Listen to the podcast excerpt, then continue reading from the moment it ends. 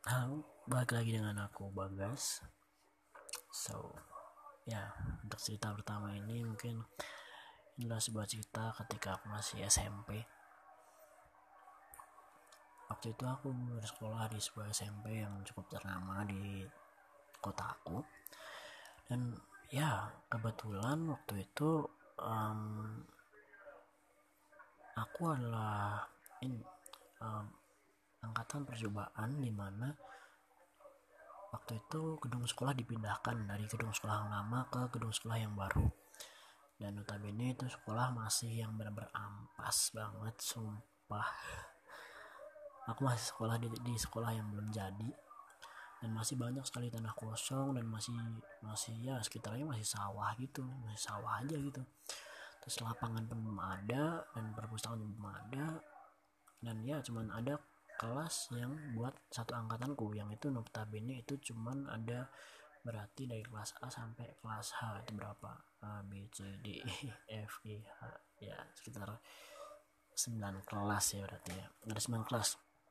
Dan benar-benar itu yang ini cuma satu angkatanku aja dan beberapa guru yang memang ngajar di kelas 7 atau kelas 1 SMP dan ya di situ mulai mulai banyak banget cerita yang aku dapat dan waktu SMP ini adalah titik balik di mana aku mulai menyadari bahwa apa yang selama ini aku lihat sejak kecil itu adalah bukan makhluk yang sama seperti aku. Ya itu ya nalarku baru mulai nyampe waktu aku SMP dan itu benar-benar jadi shocking terapi parah buat aku karena um, ya aku jadi baru tahu aku tuh beda dari teman-temanku yang lain dan ternyata cuman aku aja yang bisa lihat mereka dan teman-temanku yang lain tuh nggak bisa. Dan itu jadi sebuah tekanan sendiri buat aku. Serius karena ketika aku mencoba komunikasi dengan mereka ya waktu itu mungkin cara aku komunikasi belum seperti sekarang. Aku masih benar-benar secara verbal. Ya kalian tahu secara verbal kayak aku ngobrol kayak gini sama kalian berbahasa verbal nggak nggak bisa yang kalau sekarang sih udah mending karena aku ngobrolnya dengan batin dan itu jauh lebih ya better lah daripada sekarang. Dan ya ya notabene itulah tempat yang baru tempat yang baru aja dibangun. Yang tadinya itu tanah kosong ada kebunnya ada apa. Nggak ngerti tuh bekas apa. Nggak ngerti. Tapi yang pasti cukup banyak yang menggangguku di sana karena aku menjadi suatu hal ya ini aku jadi suatu daya tarik tersendiri buat mereka karena tingkah lakuku berbeda daripada yang lain dan aku sangat mencolok sekali bahwa aku bisa melihat mereka dan bisa berinteraksi dengan mereka. Jadi dulu di sekolahan gue itu cuma ada satu kamar mandi ya itu adalah di dekat kelasku tapi masih ada selang satu kelas lagi gitu. Jadi kelasku adalah kelas 2 ke kelas kedua setelah kamar mandi. Ya dan di situ aku sering banget kayak ngerasa ada yang manggil aku. Serius dia manggil manggil namaku dan aku selalu coba buat no no no no itu itu itu bukan temanku itu bukan temanku. Dan ya aku terus kayak gitu karena sejujurnya ketika waktu SMP itu aku cuman ada satu hal yang bisa membedain mereka dengan teman-teman manusia aku. Mereka tembus tembok atau enggak. Sumpah cuma dengan cara itu dong yang aku bisa lakukan. Karena ya kalau misalnya kalian ada di posisiku adalah aku melihat mereka dengan wujud yang sama seperti manusia gitu. Hmm, gini Oke, jadi mungkin dari pemahaman awal dulu ya. Mungkin di sebuah kita kita apa kita satuin dulu perspektif kita akan mereka. Jadi mereka ini mereka itu punya bentuk-bentuk yang berbeda-beda. Satu makhluk itu punya bentuk yang berbeda, tapi mereka kalau misalnya itu anak-anak ya udah anak-anak paling anak, -anak cowok atau anak-anak cewek ya udah paling kalau ada cowok ya cowok gitu tapi kalau apa kalau yang dewasa ya paling kalau ada cewek ya cowok. Udah gitu doang. Tapi gini inilah suatu pemahaman yang harus kita tanamkan di pikiran kita semua. Jadi mereka memiliki wujud yang seperti sekarang yang banyak sekali kita tahu. Mungkin di Indonesia banyak banget yang kayak permen sugus atau mbak-mbak kayak gitu. Ya itu adalah sebuah bentuk perwujudan dari energi pikiran yang kita munculkan. Mengerti? Jadi um, gini.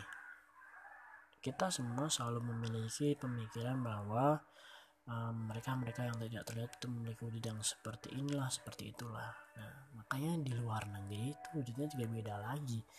Masuk logika? Ya jadi makanya di luar negeri itu nggak ada permainan sugus tuh nggak ada. Karena mereka juga nggak pernah mikirin itu. Mereka nggak pernah kepikiran kalau misalnya hantu itu bentuknya kayak gitu. Udah bisa ngerti kan? Ya jadi itu hanya perwujudan mereka tapi mereka sebenarnya punya wujud yang yang masih di bawahnya itu atau mungkin di atasnya itu. Aku juga nggak terlalu bisa menerjemahkannya yang pasti. Waktu itu aku melihatnya wujud mereka ya sama kayak orang gitu jadi itu lebih serem sih sebenarnya. Karena aku nggak bisa bedain mana orang mana yang bukan. Jadi waktu itu aku sempat sempat kayak orang freak lah. Sempat kayak orang freak dan ada beberapa yang ngebully dan lain-lain. Tapi ya aku cuek aja gitu. Aku nggak peduli aja gitu. Um, waktu itu yang aku pikiran lah aku hanya ingin menjadi seorang yang normal aku ingin jadi seorang yang memiliki kehidupan normal dan nggak ada gangguan sama sekali dari mana pun? Cuman ya aku udah punya kemampuan dari kecil dan itu sangat susah banget buat dihilangin dan aku kayaknya nggak mau juga buat ngilanginnya. Oke okay, back to topic. Kembali ke topik jadi awal aku sekolah di sana aku udah dapet panggilan lah kasarannya. Buat kamar mandi ya memang sih seperti yang kita tahu. Kenapa di kamar mandi itu sering banyak banget sih yang yang di situ? Ya karena mereka suka gitu. Itu tempat lembab dan itu tempat tempat yang mungkin uh, orang-orang datang ke situ cuma beberapa kali nggak terlalu rame gitu kan. Mungkin dong uh, kalian tongkrong di kamar mandi. Ya mungkin ada sih beberapa yang model kayak gitu. Cuman ya mungkin nggak nggak nyampe yang nyampe yang berjam-jam lah. Paling kan cuman berapa lah bisa jam udah mentok. Dan itu kan uh, terbilang tempat yang kotor. Sering banget buat membuang suatu yang kotor gitu. Mungkin buat di kamar mandi cewek apalagi ya. Mungkin sering banget buat ngebuang sorry pembalut kayak gitu. Ya dan itu cukup menarik untuk mereka. Jadi ya itu make sense kalau misalkan memang tempat itu jadi tempat favorit untuk mereka. Jadi ya waktu itu aku masih kelas 7 dan aku sering banget mendapatkan panggilan itu dan suatu saat aku datengin. Dan bener aja waktu itu aku ketemu dengan salah satu sosok. Um, mungkin kalau digambarkan dia itu seorang cewek cewek yang Jawa cewek Jawa dia minta tolong. Dia minta tolong sesuatu sama aku. Ya dia dulu um, ya singkat cerita dia meninggal dengan cara yang kurang lazim. Karena dia disiksa dan pada akhirnya dia enggak ya dia datang ke sini ya sebenarnya kalau misalnya aku cerita kayak gini pasti ada yang datang sih. Pasti mereka juga penasaran untuk mendengarkan ceritaku juga. So ya. Yeah. dia namanya Marni. Usianya waktu dia meninggal itu sekitar 34 tahun. Dia masih sangat muda tapi sayangnya memang keluarganya dibunuh dan di tapi nggak semua dibunuh sih. Ada dua kerabatnya yang akhirnya jadikan dijadikan budak dan dia yang menolak dan dia menolak untuk jadikan budak. Akhirnya dia disiksa dan diperkosa oleh beberapa tentara-tentara Belanda. Dan ada sebuah yang disembunyikan oleh dia di mana itu adalah kasarannya itu kenangan-kenangan dia dengan keluarganya. Dan itu aku dimintain tolong untuk mencarinya dan memang benar benar ketemu benar ketemu di dekat situ memang benar ketemu. Dan ya akhirnya aku membalikan itu dan dia akhirnya bisa lebih tenang dan tidak mengganggu karena ya um, gimana ya mungkin kalau kalian berharap bahwa cerita ini akan berakhir bahagia dengan dia pergi ke alam baka itu enggak karena um, mereka mereka yang tersisa adalah energi residu. Kalian mengerti energi residu? Jadi energi yang tersisa dari dari manusia yang masih hidup atau yang sudah mati. Jadi hmm, katakanlah nih kalian kalian punya kalian kalian nih kalian sekarang punya sebuah boneka yang sangat kalian sukai dan kalian sangat sayang boneka itu dan dia akan menyimpan energi residu kalian. Ketika nanti kalian sudah meninggal atau kalian sudah tidak ada energi inilah yang akan dimanfaatkan oleh jin-jin di sekitar itu sekitar benda itu untuk memakai energi residu itu agar mereka memiliki perwujudan. Yaitu hal yang terjadi yang sama tapi memang energi residu yang seperti itu adalah energi yang sangat kuat karena dia meminta pertolongan dan setidaknya sekarang dia sudah tenang.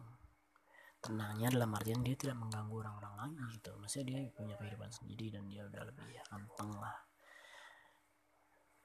Ya seperti itu dan banyak banget yang terjadi di sekolahku waktu SMP ada salah seorang temanku yang dia dia dia di kelas sebelahku tapi dia sering banget kayak muncul di dua tempat yang berbeda. Ngerti nggak? Ya ada seorang ada seorang makhluk yang menduplikat dia gitu. Dan itu nggak cuman nggak cuman kelihatan dari aku doang tapi beberapa temanku yang memang mereka normal nggak yang saya nggak nggak yang bisa ngelihat atau apa ya mereka juga melihat melihat bahwa dia tuh ada di dua tempat gitu. Misalnya kayak banyak yang sering kayak lah kok kamu di sini? Padahal aku barusan ketemu kamu di atas. Itu posisinya di lantai bawah. Jadi sekolahku dua tingkat gitu. Nggak mungkin posisinya kan tangganya jauh dan dia tiba-tiba ada di bawah itu sampai sekarang aku masih bingung sih itu sebenarnya itu siapa gitu. Karena kalau aku melihat dia yang ngikutin bukan yang sama persis kayak dia. Berarti kan ada ada yang memang menduplikasi dia gitu loh yang sengaja buat menduplikasi dia. Dan ya itu menurutku itu sampai sekarang masih belum belum bisa pecahkan sih siapa yang menduplikasinya. Cuman kalau misalnya kenapa bisa menduplikasi ya memang ada memang ada yang bisa kayak gitu ya mungkin cerita awal gini mungkin belum terlalu menarik.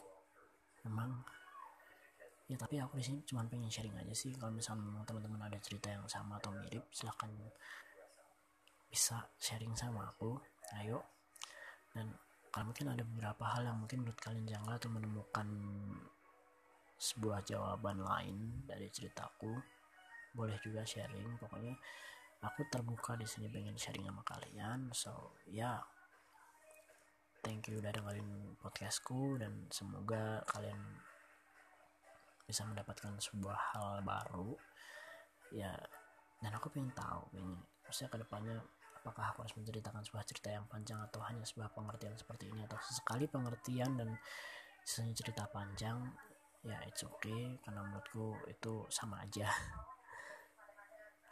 ya so thank you teman-teman udah dengerin aku. Aku undur diri. See ya